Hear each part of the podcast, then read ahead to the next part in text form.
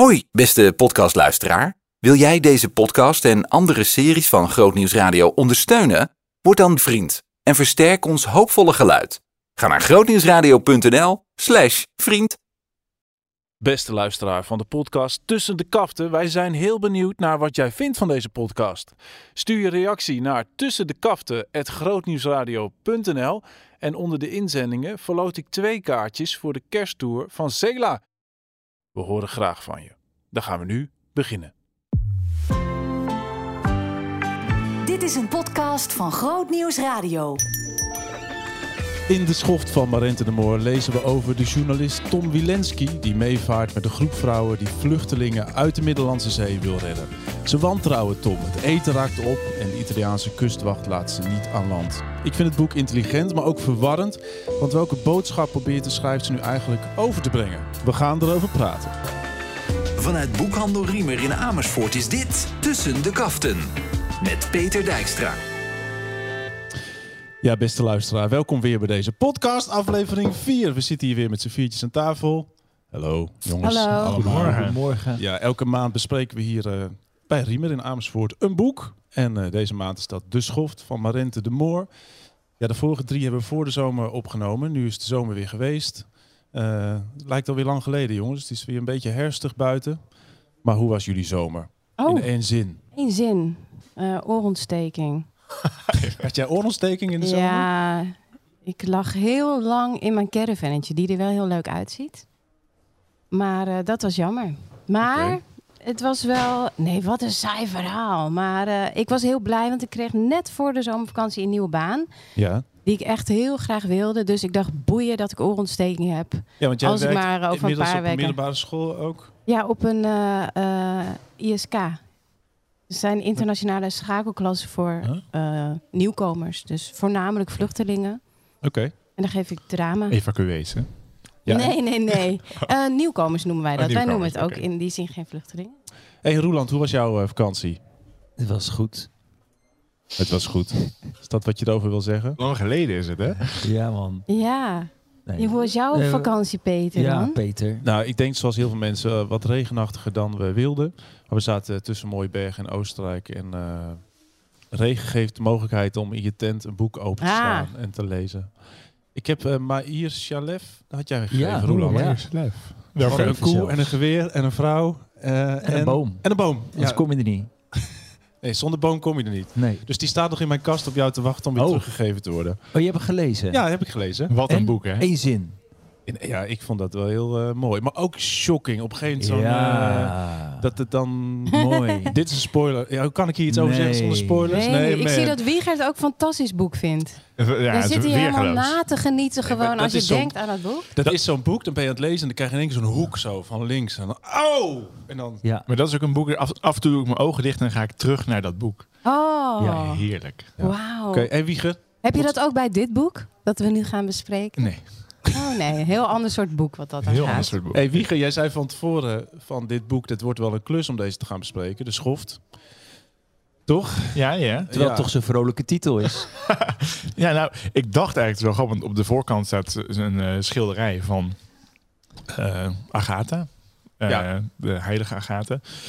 En die is afgebeeld. En het, doet een, het is een beetje middeleeuws. Of een laat, laat middeleeuws eh, schilderij. Of renaissance denk ik eigenlijk. Dus ik dacht ook, oh, het zal een beetje misschien over die tijd gaan. En ik kreeg allemaal klassieke ideeën erbij. En een schoft. En ik dacht aan paarden. Dus de, zeg maar de schouders van... Dus, maar dat, eh, dat, was, was het niet. Dat was het in ieder geval niet. Nee. Je had toch de achterkant gelezen? Nee, dat doe ik eigenlijk het liefst niet. En wij hebben dat Hulde, toch samen... ge- Nou, maar geef Ja. niet. Nee, ja, we hebben het, wel, we hebben het, wel, we hebben hem samen gekozen. Hè? Ja. Maar ik, ik, ik, nee, ik lees eigenlijk de achterkant het liefst niet. Of misschien een paar zinnen om. Maar dan ben ik al te snel bang dat, ik, eh, dat het verklapt wordt. Ja. Ja, ik zal nog eventjes de huishoudelijke mededelingen doen over deze podcast. We gaan ook nog luisteren naar een lied aan het einde van eh, deze podcast, wat jullie ook hier eh, bij, dit boek, eh, bij het boek schrijven. Nou, misschien wel iets eerder dan het einde. hè? Ja, richting het einde. Jullie Ja. zeiden van tevoren is leuk om over het lied te praten ook. Ja. Ja, vinden we ook wel een keer leuk. Dus we schuiven het lied iets naar voren en dan kun je iets gaan vertellen over dat lied. Heel Heel, leuk. veel vragen gekregen gaan- over hoe, hoe ontstaat zo'n lied nou. Ja, al die mailtjes. ja, dus we die hebben heel we veel kaartjes moet- verloot. dus eh, Waar moeten die mailtjes ook weer heen? Nog even één keer. Ja? Tussen de kaften. Grootnieuwsradio.nl. Eh, en we gaan luisteren naar Joke Buis, wat, wat zij aan het lezen is. Dus, eh hey, maar dus, dat over de podcast. We gaan dus lekker in dat boek eh, duiken. We hebben vorige keer dus voor de zomer nog dit boek uitgezocht in de winkel. Het is ook eventjes uit, in het voorjaar uitgekomen. En dus op basis van de voorkant uitgezocht en de achterkant. En ge- geïnteresseerd in wat zou hier nou tussen de kaften staan. Ja, het thema, hè, vluchtelingenproblematiek was het. Ja, dat en blijkt het dus de zijn, rol ja. van de vrouw. Nou ja, ik dacht eh, twee interessante thema's. Doen.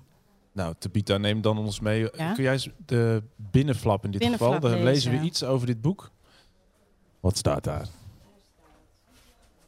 Tom Wilenski. Ik denk soms dat ik al een leesbril moet. Serieus. Ik zit steeds vaker zo...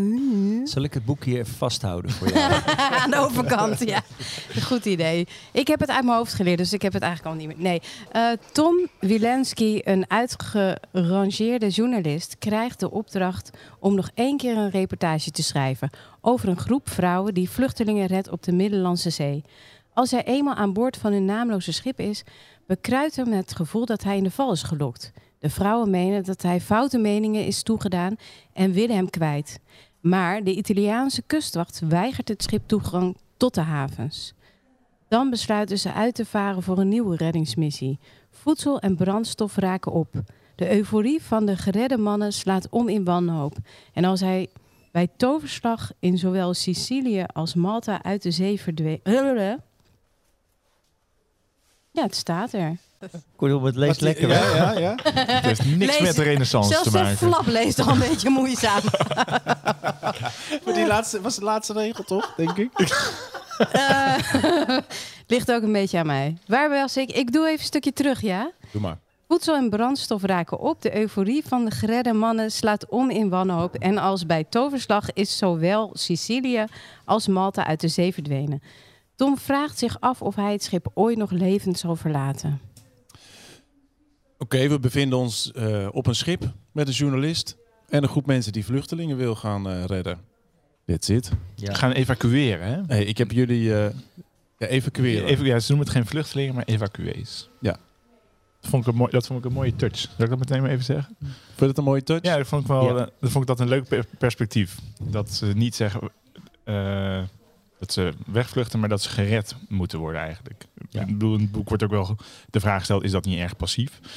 Maar ik vond het wel. Ja, leuk en het dat, maakt dat ze een ander woord kiezen om een ander perspectief te benaderen. Het maakt niet uit wie je redt, maar dat je ze redt. Dat is een slogan van deze groep. Het zo, je verschuift de schaal er eigenlijk mee. Zeg maar als in een, eh, weet niet, in een wijk of zo, dan eh, eh, er een gifgaswolk hangt van een, eh, een eh, fabriek, dan Mhm. worden de mensen geëvacueerd. Dan zijn ze geen slachtoffers, maar je bent met z'n allen in Ja. die woonplaats verantwoordelijk dat die groep ook veilig Ze is. zijn Ja. geen vluchtelingen in ieder geval. Nee.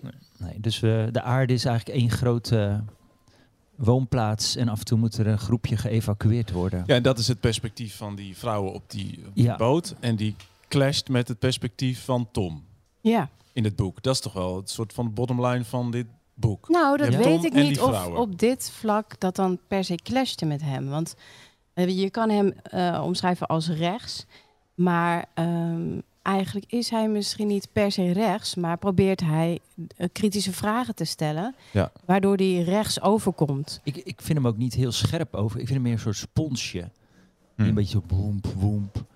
Dus het, het clasht niet echt met hem. Het hompt meer. Want voor de mensen die dit boek nog niet hebben gelezen, die Tom die, Ja. die zit dus op, de, op die boot met een eh, vluchteling in een kamer. Dat deelt hij een kamer mee, hè? Adama. Jij blijft het gewoon vluchteling. Jij blijft het gewoon vluchteling noemen, eh, Peter. Zeker. Oké. Is niet zo leerbaar meer. Roommate. ik ben ook vastgeroest in mijn eigen ideeën. Ja. Nee, dus hij zit op een slaapkamer met die Adema. En eh, vanuit daar kruip je in zijn hoofd en je beziet de hele toestand op de boot vanuit zijn perspectief. Maar dat clasht toch wel, zijn perspectief met wat daar gebeurt. Hij is constant wel aan het nadenken over eh, kritische vragen. Wat gebeurt hier? Klopt dit allemaal wel? Eh, Nou, het clasht in hem dan misschien, ja. Ja. Het spat er niet echt van af, toch? Ja, dat hij dit niet die confrontatie opzoekt of zo. Eigenlijk Ja. hebben anderen hem per ongeluk in die hoek gedrukt. Hè? Hij is een schip opgestapt waar allemaal activisten zitten. Ja. En eh, zijn vroegere baas was eh, ook Ja, vrij Hans- links en vond zijn vragen of zijn twijfels vond hij rechts. En dat kan je ook rechts vinden. Maar zo ziet hij zichzelf eigenlijk niet. Hij zit een soort undercover opeens op de A12. Terwijl hij zelf een grote SUV heeft. Ja, oké, super. Ik, ik, eh, we hebben volgens mij, ik heb jullie alle drie gevra- eh, gevraagd om een vraag te formuleren. En ik denk dat die vragen ons helpen om dit nog verder uit te pakken. Wat we allemaal nog over die Tom en over die, eh, over die boot en over Hans en zo. Dus eh, Tijd voor een volgende vraag. welke hebben we hier liggen? Tabita, jouw vraag. Welke is dat? Ehm, dat is, wat herkende je van Tom? Is het dan handig om nog even wat meer woorden te geven aan wie Tom verder is en hoe hij denkt en functioneert en redeneert? Ja, dus Tom, die, Tom die is een, een onderzoeksjournalist, al heel lang, Ja, voor een, voor een blad. Ehm, en op een gegeven moment is hij dat niet meer, want hij heeft op Twitter of op een blog heeft hij allerlei dingen gezegd die toch eigenlijk niet helemaal zo door de beugel, die, die niet bon ton zijn. Beetje te rechts allemaal. Dus hij- boeien.nl. En dan wordt, hij, eh, dan, dan wordt hij aan de kant geschoven, gecanceld eigenlijk in feite.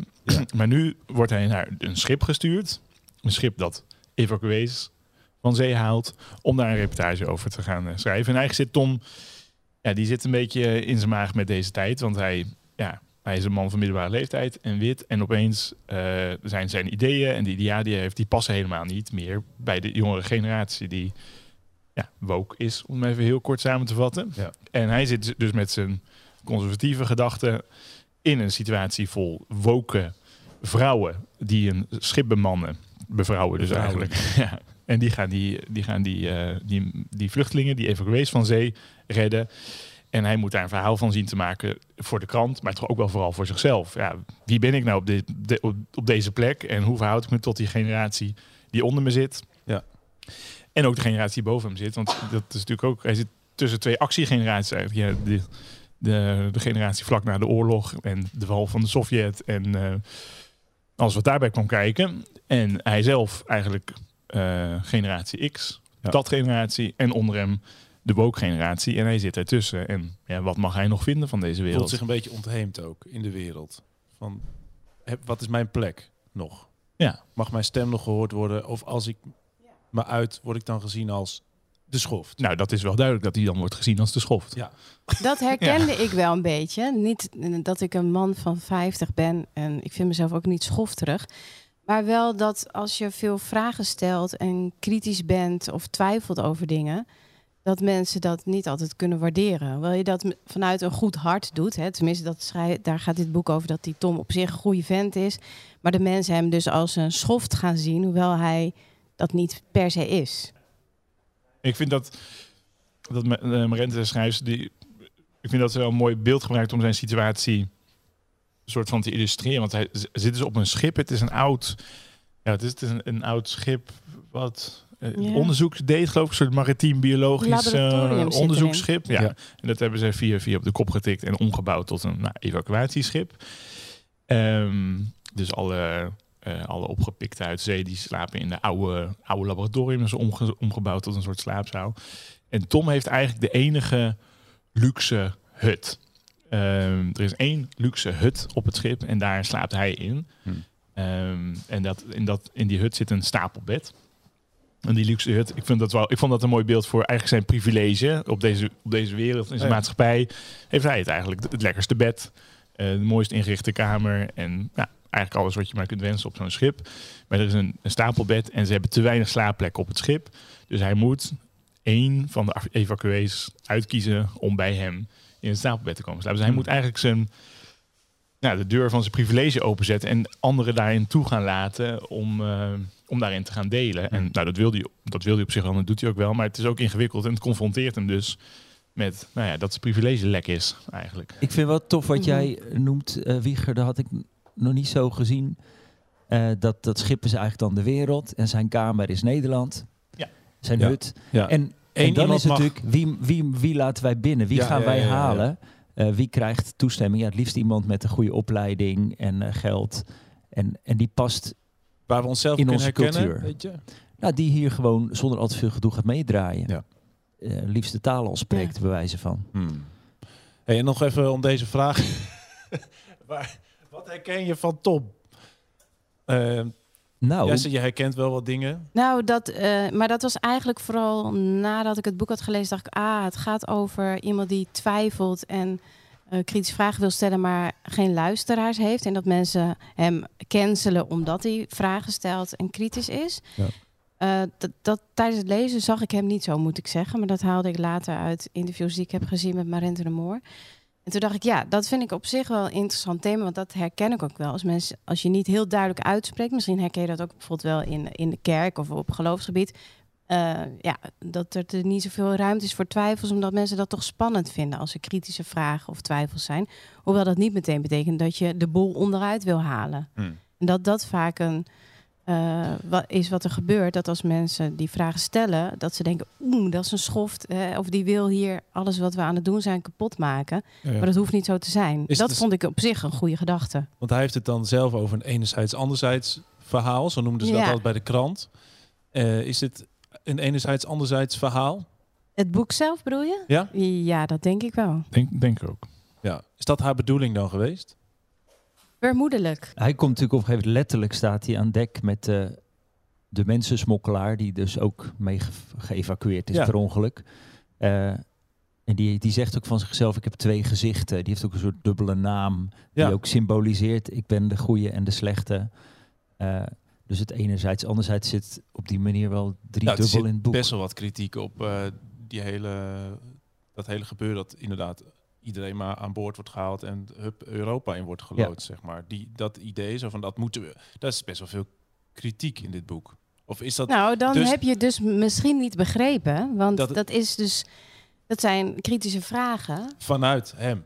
vanuit hem. Of, en eh, is dus niet bedoeld als eh, dat is dus niet goed zoals Nee, nee, dat nee. gebeurt. Maar, maar goed. Ja, ja, ja. eh, Nou, en dat vind ik een van de interessante vragen van het boek. Je kijkt vanuit zijn perspectief, van Tom.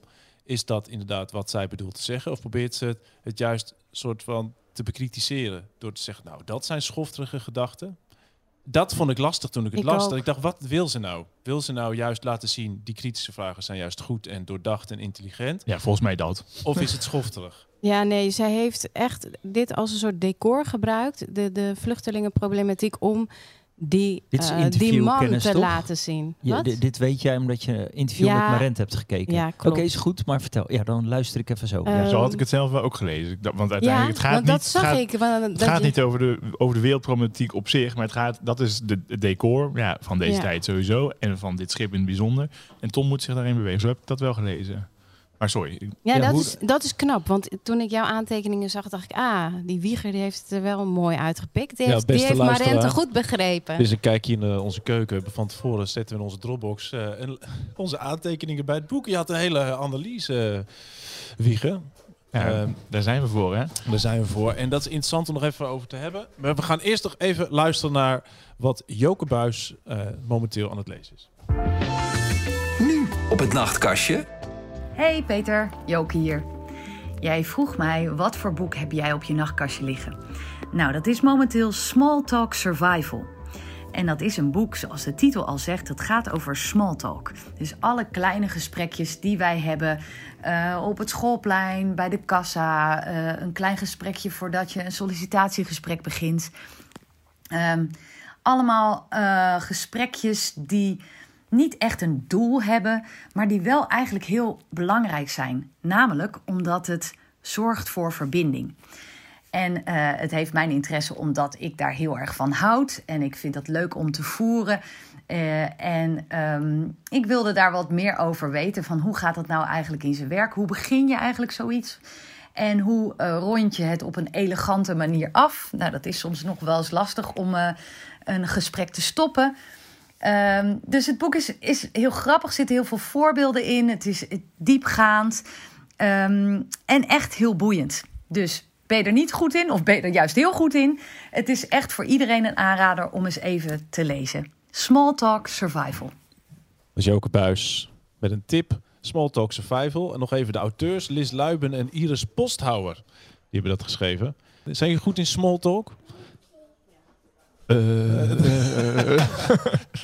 ik vind het grappig als zij het zo zegt. Ik herken dat wel, want het zijn wel Leuke trui heb je aan, Peter. vaak de kleine gesprekjes die, eh die ertoe doen in de maatschappij. Ja, ik was, hem- als hij dan zegt hoe je dat dan ook weer stopt, ben ik benieuwd. Is dat dan dat ze heel ongemakkelijk zijn? Of dat het juist te gezellig wordt en ze En dat de rond, tijd rond is. etenstijd nog steeds op het schoolplein staan. Ja. Om, eh, ja, hoe, Staat Joke Buis om half zes nog... eh, En er komt toch het moment dat je zegt of je gaat weer verder met iets anders, of het gesprek gaat van small talk naar een diep gesprek. ja. Zoals, heb je toevallig de schoft gelezen van Marente de Mol? Ja. Zullen we het daar eens over Zullen we hebben? het daar eens over hebben? En wat herkende je van Tom? Nog Ja. steeds de eerste Nee, vraag. ja, want ik, gaan- ik zat nog te denken, oh, voor een volgende vraag. Ah, kijk. Vraag 2. ik heb de vraag nog helemaal niet beantwoord. Wilde jij hem graag nog beantwoorden? Doe maar. Nou, maar jongens, we hebben, daar niet, we hebben drie vragen. En we moeten ook lied bespreken. Ja, maar stel dat hij nu Ja? echt iets tofs erover te zeggen heeft. Heb jij nog dan iets knip je dat andere er gewoon uit. Wat Wieger. herkende jij, Wieger, van Tom? Nou, vooral de demografie eigenlijk. Dus, eh, ehm, ik ben natuurlijk ook een man, wel iets jonger dan, eh, dan Tom. En ehm, Wit. wit. en dat soort dingen. Ehm, en ik vond dus ook, wat ik grappig vond, is dat ik dus eigenlijk dacht, oh ja, mijn profiel past best wel bij het profiel van Tom. En tegelijkertijd in hoe hij denkt, nou op zich de vragen die hij zich stelt, die herken ik ook nog wel, maar dat hij er zo mee in de knoop raakt en zo zit van, oh, maar ik kan ook niks meer zeggen. En eh, hoe moet ik nou omgaan met al deze mensen die van alles willen wat ik eigenlijk maar zo zo vind. Dat herken ik eigenlijk veel minder. Ik dacht, ja, Tom. eh, Kom op, dit- Tom. Ja, wat dacht je? Wat, als je met hem in de kroeg zou zitten, wat zou je tegen hem zeggen? Hé hey, Tom, goede vriend. Ik zou eerst zeggen, drink eens even eentje. Goeie, Eh, goed glas wijn. Goed glas wijn. heeft hij het over in het boek. Oh, daar heeft hij een hekel. Goed glas wijn. Nou, wat zou je tegen hem zeggen? oh, ja, ik weet het. Ja.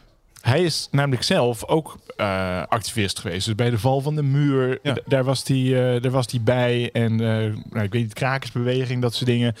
Ik weet even niet meer helemaal de details. Maar hij, Ja. hij schetst zich wel als iemand die toen ook gewoon activistisch was. En ik zou wel willen weten hoe het nou komt dat hij dat in die tijd eigenlijk perfect logisch vond. En dat Ja. zegt hij in het boek ook van ja, dat deden ze en zo. Maar nu is er een nieuwe generatie die activistisch is eigenlijk over andere dingen. En dan begrijpt hij het helemaal niet. En denkt, "Huh, waarom, waarom doen ze dat nou zo? En waarom is het allemaal zo zwart-wit? En, en, en daar ben ik wel benieuwd naar hoe het nou kan dat iemand die eigenlijk zegt... ik vind de nuance belangrijk en ik wil de vragen stellen over wat mensen Ja. beweegt. Want er is ook altijd een andere kant aan het verhaal.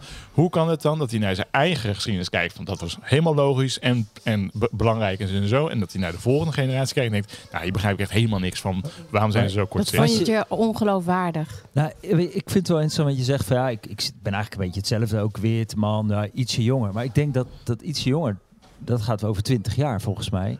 Ja. En ik denk dat daar precies wel iets kan gebeuren in een mensenleven, waardoor je dus nu nog denkt als eh nou, 40-jarige. Mm, maar ik vond het ook niet passend bij zijn karakter Nee, om dat, dan mensen, niet meer te dat kunnen mensen als ze ouder worden, Ja? dat je echt op kan schuiven Hmm. en dat soort dingen dus echt niet meer doorhebt. Oh. Wat zou jij aan hem vragen, Roeland, in de kroeg?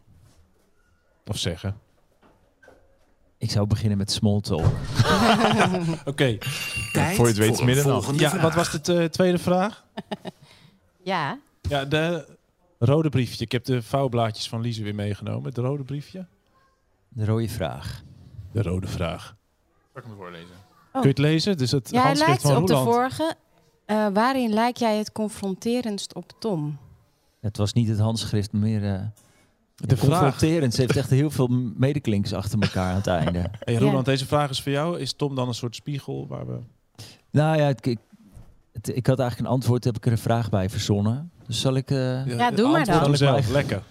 Nou, ik vond interessant ehm, het concept van de, de heilige levens die in het boek verweven zitten. Ja. Die, die duiken op en daar is hij ook mee bezig. En dat zijn eigenlijk allemaal gruwelverhalen. Hoe zijn die verweven, te Nou, die duiken gewoon op in eh schuingedrukt lettertype. En eh, dat zijn gewoon verhalen over eh, vooral vrouwen die afschuwelijk gemarteld zijn omdat ze kuis wilden blijven, vooral. Eh, en daarmee een soort vereerd worden door de middeleeuwen heen. En die zijn verzameld in een boek. En dat vonden mensen altijd heel fijn om te lezen. En hij denkt, oh, dat kan ik wel gebruiken voor een eigen boek. Ehm, maar wat ja. me opviel is dat hij zelf zegt van het boek, ja, dan zat ik dat boek te lezen met al die heiligen erin. En dan zat ik op een gegeven moment alleen maar te bladeren naar de heftigste, gruwelijkste, buitennissigste momenten. Ja. En toen dacht ik, ja, dat, dat zit ook in mij. En dat, is ook, dat zit denk ik in alle mensen. Ik, ik- van de week kwam er opeens, zag ik een eh, itempje, jongen valt dood bij bungee jump. Dan klik ik daar toch op. Want Ja. denk toch, eh. blijkt het dat dat een nieuwsbericht is van 1993. Ja. Dat afgelopen week weer is opgepompt met een herdenking. En mensen kunnen zich melden met de herinneringen aan het moment dat ze die jongen hebben zien vallen. In een van het dorp 1993. En dat wordt dus als eh clickbait eigenlijk gepresenteerd. En verdikkie. Trapt De Tom in mij. Kijk toch even. God, heb ik heb hem gemist. Joh, wat heftig. Jongen, jongen, waarom doe je dat ook? Eh, Stom, wie gaat er nou aan een elastiek naar beneden springen? Want ja, als het misgaat ben je wel dood. Ja, Dus- ja en, de- en er nou zit ja. wel een, die heilige verhalen heeft ook wel een link met die vrouw op die boot. Toch? Want je hebt die, eh, die vrouw die op de voorkant staat. Hè, dat is die Agatha van Sicilië. Maar je hebt ook Lady Aga, dat is de kapitein. En je hebt Luce, Lux. Ja, die boot. namen worden allemaal verweven. En Ja, Dat, dat daar zit wel een parallel. Ja. Van, het zijn vrouwen. ja. die ook- Wat is de parallel dan? Nou, dat, de- bij Agatha zijn die borsten afgehaald. Op de voorkant staat zij dan, met die Ja. borsten. En bij die Aga is ook een soort scène dat eh, zij eh inkijken heeft. En al die mannen, die eh, evacuees, die kijken alleen nog maar naar haar omdat ze zo mooi is. Dus daar zit een soort link. En eh, dat die verkrachtingsscène, dat even, dames en heren, er zit een verkrachtingsscène in een van die vrouwen wordt verkracht door die een van de evacuees. Eh, dat wordt ook gekoppeld aan een heilige verhaal. Dus Ja. vrouwen die lijden, die, Eh, Even, even Ja. pauze. De verkrachtingsscène is er eigenlijk niet. Nee. Er is een geel, er is een deur, er is een een man en een vrouw in een kamer, iemand die Ja. binnenstapt. Maar later is natuurlijk, dat is echt vraag, was die er? Ja. ja. Maar goed, ja. Nee, ja, Nee, oké. dus ja, er nee, dat is waar. een De scène scène wordt niet expliciet nee, beschreven. exact. Nee. Maar dat is toch wel duidelijk dat dat toch wel gebeurd is. Ja, een soort, een soort, It's poging tot, in your head. soort poging tot aanranding misschien. Ja. Maar goed, Nou, oké.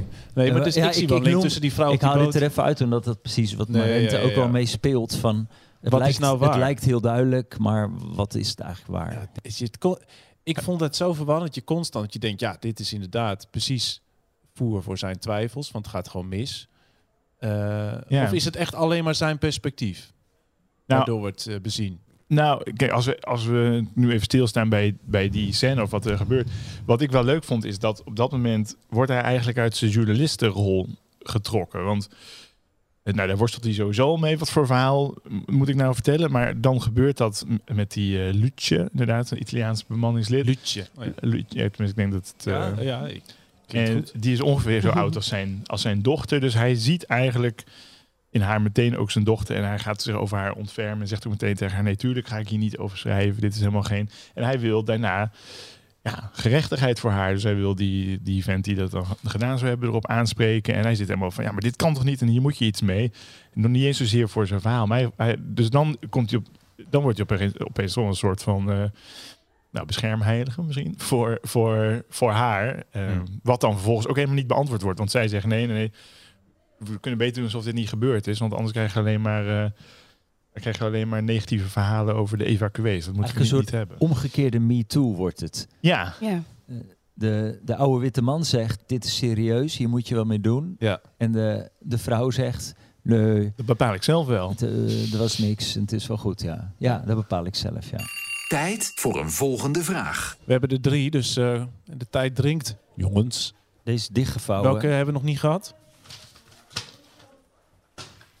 Welke dilemma's hebben de personages en wat doen ze ermee? Dat is een vraag van jou, Wieger. Ik ben altijd benieuwd naar dilemma's.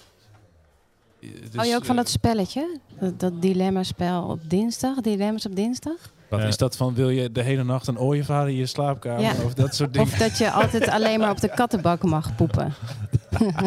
Ik wil het allebei wel. Zit er zo'n wat soort- moet ik nou kiezen? Mag dat ook? Mag ik ze ook allebei? Leuk spel, toch? Ja, ja superleuk. Zo'n soort dilemma. Zet dat in het boek? Ehm, ja. Nou, Springen. Ja, wat, die Springen of dilemma niet van springen? die Zie, je idealisten. ziet de kust en je denkt, ah, daar kan ik best heen zwemmen. ja en dan zegt Adam, maar het is koud man. Het is februari. Ja, Of niet? je gaat het niet redden. Ja. ja. Dus het, eh, net zei iemand van, lukt het mij om het leven het schip te verlaten? Ja, dat Hij wil lukt- echt dat weg, lukt hè, wel, een maar gegeven moment. kom je ook aan de kant. Hij ja. denkt, ik wil hier weg. Het wordt één Ja. grote hel. Eten is op. Hij is ook altijd bezig met ga ik naar de wc of niet? Dat is ook een Nou, groot wat ik redelijk dilemma. begrijp Oh, als ja. ik die wc... eh Ja, snap ik. Maar dat is wel heeft een grote plek in dat het is boek. ook een dilemma. Is dat een van de eerste levensbehoeften, naar de wc gaan? Staat Nee. die in het rijtje? Nou, Nou, een fijne wc. Ik denk hygiëne wel. Ja. Maar naar de wc gaan, dat, dat, dat, eh, dat, uiteindelijk gebeurt dat wel. Ja, Ja, daar kun je op een gegeven moment niet meer ophouden. nee. Ja, dus een dilemma is springen of niet? Naar het land of niet? En ik denk ook na die, eh, ver- die aanranding of verkrachting hadden die mensen ook allemaal een dilemma van hoe, gaan we om? daarmee om? Eh, ga ik dat eh, ga- wel eerlijk zeggen ten koste van de evacuees of het beeld dat mensen van evacuees zullen hebben daarna? Ja, dus dat meisje, die, die jonge vrouw, die, die zet zichzelf eigenlijk aan de kant om het grote verhaal eh, te Ja. redden. Ja, het verhaal dat zij wil vertellen vindt zij belangrijker Ja. dan haar eigen persoonlijke verhaal. Ja, dus dilemma is springen of niet. Dilemma is hoe gaan we om met die situaties die misschien vuur op de olie zijn van de rechtse rakkers. En die kwam Ja. vaker terug overigens. Hè? Dus die Ja. journalistiek rondom vluchtelingenproblematiek. Van hoe ga je daar verslag van doen? Hij Ja. een foto en dat zijn alleen maar hele fitte mannen. Ja, jonge ja, als ze mannen. net aan boord zijn, ja, dan zegt hij, dit lijkt toch gewoon een eh, gezellig buurthuis. Ja. En dan zeggen die, die groepering, zegt ja, we hebben ook wel foto's met moeders en kinderen. Dat is misschien fijner om te gebruiken. In, eh, ja, dus die keus maken ze. En dat zit ook ergens in het boek van de geschiedenis wordt bepaald door de verhalen die wel of dan Ja. niet doorverteld worden. Ja, dus dat is voor mij ook wel een, een van de dilemma's. Van welk verhaal vertel je? Ja. Zowel van Tom inderdaad als Ja. van, van die eh, crew. ja. Hey, eh, we gaan eh, Hans even vragen om aan te schuiven. Want elke aflevering heeft hij weer twee tips. Dus eh, hier komt hij. De Raad van Riemer. Hé, maar Hans, eerst maar eens eventjes. Ik las dat jij boekverkoper van het jaar bent geworden. Ja, mooi hè? Gefeliciteerd. En eh, hoe zit dat? Wat is dat voor prijs? Ja, het is een jaarlijks uitgekeerde prijs. En eh, dat begint ergens in, in april. In april begint dat en dan eh, word je op een lijst gezet als je er doorheen komt. En dan is een lijst van, ja, nu geloof ik 25 mensen. En dan eh, moet iedereen stemmen, het hele land. En dan Ja. kom je bij de laatste vijf. En dan gaat het terecht om. Dan komt er een jury op bezoek, dan word je doorgezaagd. En, dan moet En je- wat doet zo'n jury dan? Die komen hier in de winkel. Ja, kom hier in de winkel, komen ze zessen en dan... Een boek eh, kopen. Een boek kopen. en, eh, Undercover. En ze krijgen een gratis boek aangesmeerd. En, Ah. eh, weet je, je moet een beetje paaien. Maar ehm, dan... Ja, maar waar eh, letten ze dan op? Ja, wat je allemaal doet. Dus eh, eh, wat lees je en hoe raad je dingen aan aan mensen. Ja. Ze lopen een beetje door de winkel, de verkoopgesprekken volgen en dat soort dingen. Ja. Nou, ik doe veel avonden in de winkel, twee of drie in de week soms. Dus, Ah, wat leuk. nou, ja, leuk. Heel leuk. Nou, Ja. gefeliciteerd. Ja, Het is een eer om jou weer aan tafel te hebben. Elke keer heb je twee boeken. Ja, liever twintig, maar ik heb er maar weer twee meegenomen. ja, ja. Het is altijd het nadeel van zo'n podcast. ja. Ja, welke, eh, wat is de eerste? Ik heb hier, we waren de Vickersons van Jolanda Clement. Dat is een eh, Nederlandse eh, auteur. Ik kende haar helemaal niet. Dus ik vond het een hele verrassing om dit te gaan lezen. Want het is echt een steengoed boek. Maar ik wist helemaal niet dat ze Nederlands was. Want het, speelt zich af in Amerika. Echt, echt alles is, is Amerikaans. Je maakt kennis met een moderne woonwijk. Waar een familie komt te wonen met zeven kinderen. Nou, vergelijkbaar met familie Vlodder. Nou, die is er eigenlijk helemaal niet welkom. En wat gebeurt er? Op een gegeven moment eh, gaat hun huis in de fik. Hm. En dan hebben ze een rondbel eh, toestand van allemaal buren die, eh, die elkaar bellen en zeggen... jongens, we doen niks, het is windstil, we laten het afbranden. Hoppa. En drie kinderen komen om. Nou, dat is eigenlijk de basis van het verhaal. Hm. En in de loop van het verhaal komt een negenjarig meisje... die gaat ermee aan de haal, die gaat vertellen wat er echt is gebeurd. En die haalt eigenlijk in de loop van het boek alle schuldigen naar boven... en die worden ook uiteindelijk bestraft. Maar het is beklemmend, prachtig geschreven, het is een heel mooi debuut. Jolanda Clement. Hmm. Is het helemaal fictie of is het nog een soort Het is van... helemaal fictie. Maar het is, het is zo dicht op de huid geschreven... dat je echt denkt van jongens, is, is het echt gebeurd? Maar het is niet gebeurd. Vind ik heel knap. En is het dan eh, dat je zo inderdaad dicht op die hoofdpersoon eh, zit? Of, Ja, eh, ja, dat is je- het nee. spannend? Is het het plot? Wat Het is super spannend. Vooral op het laatst, zeg maar, die recht, komt een rechtszaak van eh, dan of ze berecht worden of niet en of het, eh, hoe lang het gaat duren. En, dus het is heel spannend. Van, je hoopt natuurlijk als lezer van jongens dat het goed afloopt, maar dat is het niet helemaal. Het is ook heel sterk eraan. Het is niet, niet een cliché verhaal. Hmm. Dus je blijft wel constant in spanning. Ja. Leuk. Ja. Oké, verkocht. Oké. Je hebt verkocht. eh, nummer twee. Twee. Ook een Nederlander, Timon Hiemstra, debuut. Prachtig. Het is eh, heel onbekend. Ehm, als je het ziet liggen, er is een grote W voorop. En dan denk je van, nou ja, eh, wat is het voor een boek en wat moet ik ermee? En achterop staat ook helemaal niks. Dus Ja, gewoon een W. Dat is Ja, de titel. Dat is de titel. W, punt. Ja, en dat is ook de hoofdpersoon. Die heet ook alleen maar W. Je weet verder helemaal niks van hem.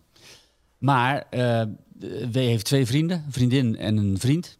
En nou, die hebben echt wel een hele aparte relatie met elkaar. Ze zijn gek op elkaar, maar ze hebben ook wel iets van...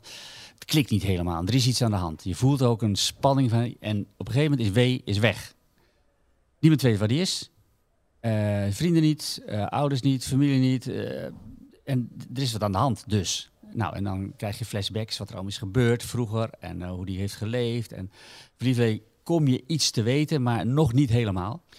En dan kom je op een gegeven moment weer in het nu. En dan is op een gegeven moment heeft eh, die vriendin heeft, eh, heeft hem gezien in de bus. Dus hij is weer terug. Nou, en dan op een gegeven moment, op het laatst, dan komt hij dan, eh, de andere hoofdpersoon, vriend van hem, die komt hem tegen in een galerie. En dan ontmoeten ze elkaar. Maar dan gebeurt er iets heel geks en dat ga ik niet vertellen. Oeh, pam pam. Ja. Dus, heel, ook weer zo knap geschreven, debuut. En de jongen is 23 jaar, vind ik echt top dat je zoiets kan. Ja, ook weer helemaal verzonnen, Gaaf. maar heel gaaf. Mooi.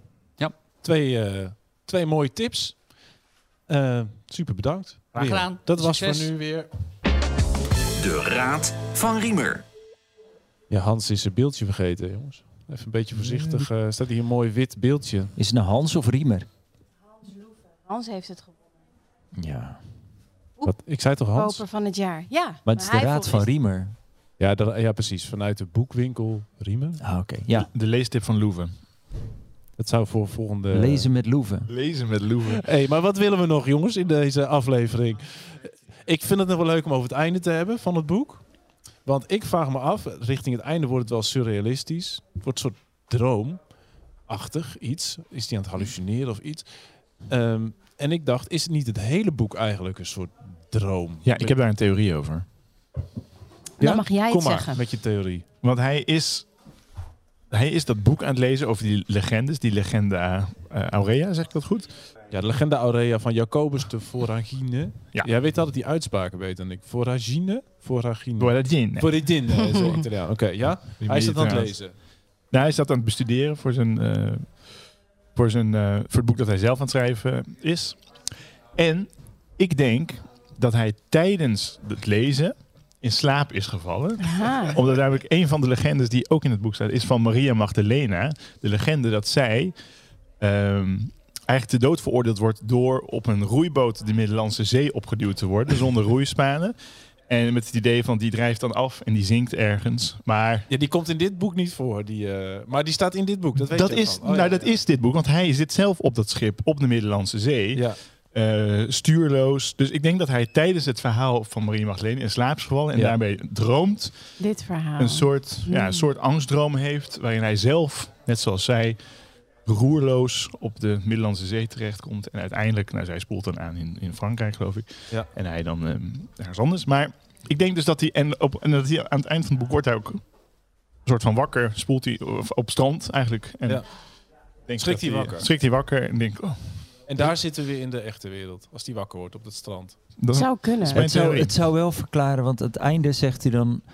Dan eh, komt hij een vriend die die ooit ergens is verloren tegen. En als het boek letterlijk neemt, dan zou dat die Adama moeten zijn. Maar dat is gek, want die is, dat voelde ook niet zo. Maar dat zou dan ook die Hans kunnen zijn, met wie die Ja.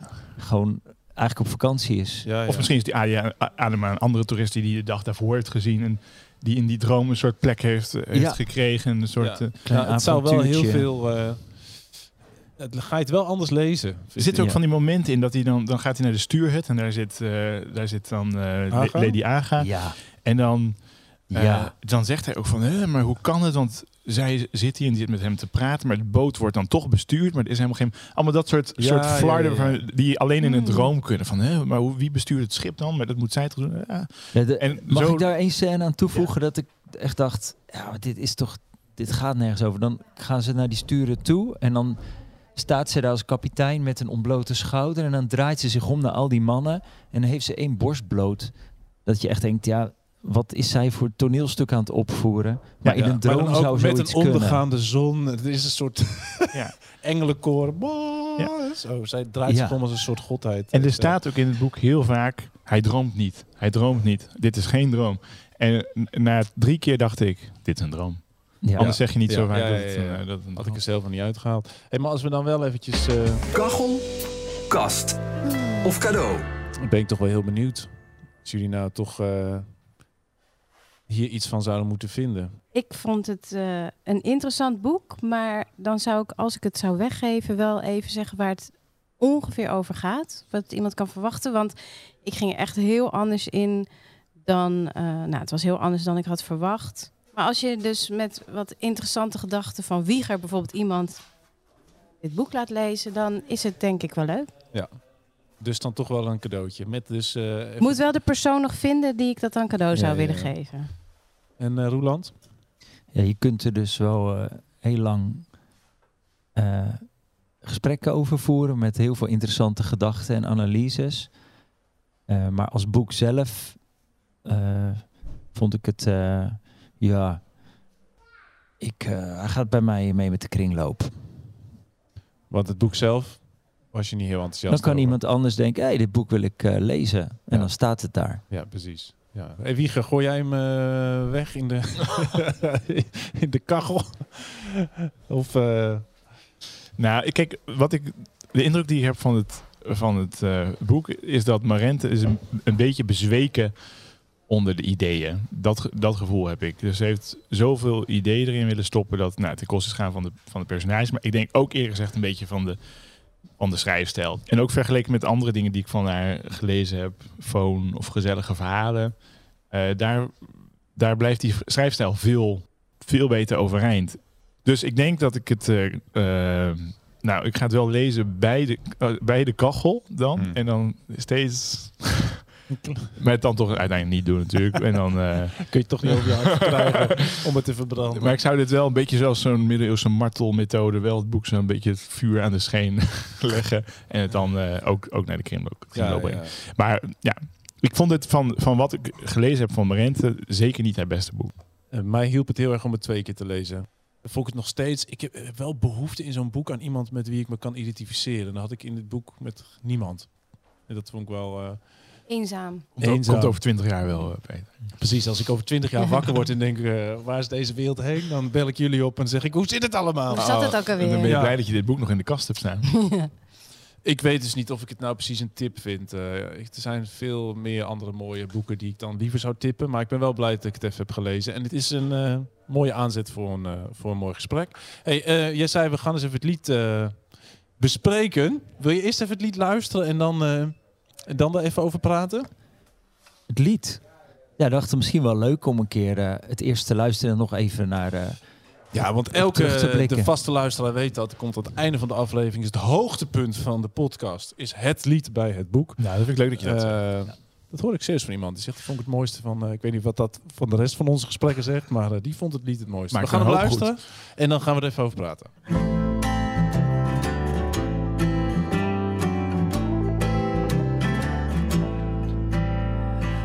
Zeeën van water, golven van links naar rechts. En de maan trekt heel die massa mee. Spijt is voor de mensen die tijd hebben gehad om te denken aan wat nooit is geweest. Later, altijd maar later. De kust is mooi en ver. En je ogen laten haar niet los. We springen zonder denken. En we spoelen gretig aan. Geen benul van wat het heeft Wat zijn de vruchten die ik pluk? Met de vrouwen aan het roer, geen idee meer van de koers. Ben ik schuldig aan mijn geluk? Jij zegt hemel, ik zeg hel. Red me niet, ik red me wel. Mm.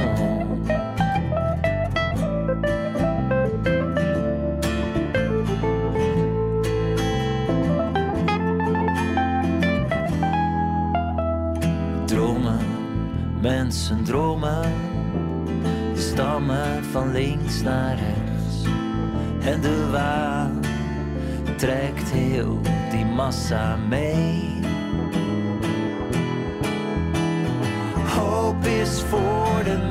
Die kans hebben gehad om te dromen van wat ooit is geweest. Wat zijn de vruchten die ik pluk?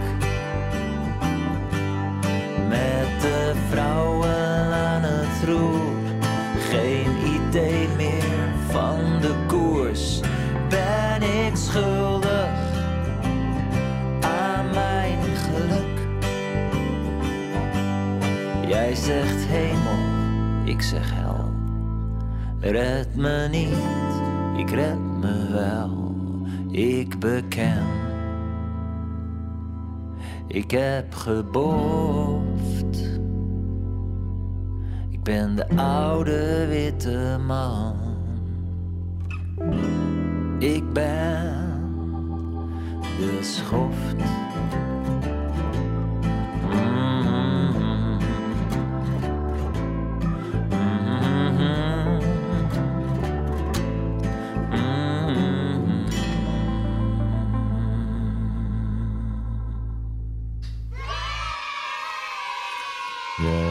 Dat was hem. Hé, hey, wat een werk weer. Toch? Hoe, eh, hoe gaat zo'n proces, jongens? Oh, in het zonnetje. Half tien, maandagochtend, Ja. boterhoeven, Eigenlijk doen we koffie. ook wel een beetje een soort eh, kleine preview show van deze podcast. We moeten altijd beginnen even met eh, die, onze, onze eerste indruk even uitwisselen. Van, eh, wat, Ja. wat, eh, wat, wat heb je gelezen en hoe was het voor je? En dan doen we het boek open en dan kijk gewoon, zijn er we zinnen die je gewoon mooi vinden, die we gewoon van de schrijver kunnen lenen. En dan ga je op die maandagochtend koffie drinken en Ja. daarover praten en dan een tekst maken. We gaan, ja, is de tekst. En dat doen we in eh, Google Drive. Dat is heel leuk, want dan kun je tegelijk in typen. En eh, dan zie je ook elkaars cursors. Dus we praten met elkaar hardop. En onze handen typen met elkaar viel me een paar dingen op. De golven gaan van links naar rechts. Ja, En op een gegeven moment eh, de dromme mensen. Ik heb de tekst niet voor mijn neus, maar dat Ja. vond ik een mooie parallel. dank je. Toch kun je, hoe heb je hem, eh, heb je hem letterlijk voor je? Ja, ik heb hem hiervoor. Ja, precies. Dus dan eh, begint het gewoon met nou, is een golf van links naar rechts. Dan zit dat links en rechts. En Ja. zee, welke kant gaan we op? Gaan we daarheen? Gaan we daarheen? En dan, eh, en dan gaat Wieger, die gaat dan, eh, die typt erop met drommen, mensen drommen. Van link, en dan, Van links naar rechts. dus ik de maan trekt heel die massa mee. Dus me denk ik van, nou, leuke zin. En dan draait Wieger die M letterlijk om. en de waan trekt heel die massa mee. Ja. Dus zo reageren we eigenlijk op elkaars eh, Ja. dingen. En, ehm, dus het is een een hele leuke dynamische... Het is eigenlijk zo'n dubbel gesprek wat je voert. En we hebben één regel, die hebben we eigenlijk bij het eerste lied gekozen. We gaan de, de titel moet de uitsmijter zijn of moet in het lied zitten. Ja. Dus we gaan ook even naar rijmwoordenboek.nl. ja, wat rijmt er op schoft? Eh, en, en dan is het wel een leuke uitdaging. Hoe kun je daar dan iets mee doen zonder dat het gezocht lijkt? Ja. Gezocht, schoft. Dat Ja. zou wel... eh, Ja, dat is onze, we gaan voor de voorrijm. En dan ga je het liedje schrijven.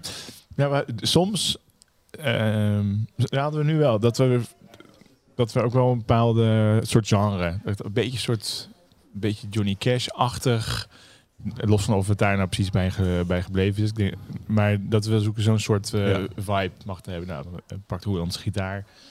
Eh, soms kruip ik achter de piano, maar nu zaten we in de zon, dus dat is even zonder piano dan. Mm. En dan, ehm, Ja, dat zijn wel twee sets. Als Wieger piano gaat doen, dan ga ik gewoon zingen en dan, dan golven we mee met de akkoorden en andersom hij met de melodie. Ja. Als ik de gitaar pak en dan... eh je hebt gewoon basgitaar gespeeld op, een, op mijn oude, Ja, andere oude ja. gitaar Ja. buiten.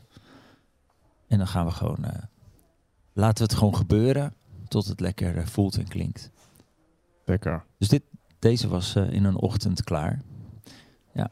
Het klinkt eh, redelijk geproduceerd allemaal. Hoe eh, heb je dat gedaan? Nou, we hadden eigenlijk, we hadden nu hadden we een, eh, een beetje geleerd, want de- we hebben iemand die het een beetje mixt en soms nog toetsen bij speelt ook. Of, eh, Victor Weigand. Victor Weigand. Ja, dat Onze genoemd is. huisproducer.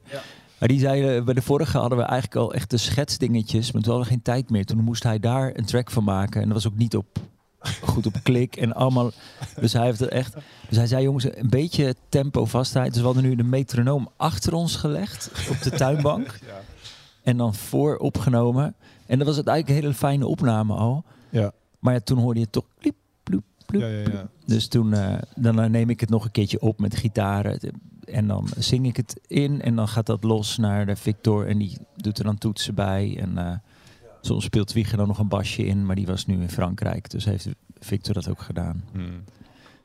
En soms vliegen we nog wat andere stemmen in als het meer musical is. ja, Ja, leuk man. Ik vond het te gek. Vier liedjes bij vier boeken. De afgelopen eh, afleveringen. Mooie aanvulling. Ja, dus eh, echt. bedankt Echt leuk om te doen ook. jullie tijd. hey, jongens, we gaan hem eh, afsluiten dan. Nou, dit was dan aflevering 4 van de podcast Tussen de Kaften. We hebben met elkaar gezegd, we maken er eerst maar eens vier. En dan gaan we eens even verder kijken hoe we de toekomst verder gaan invullen.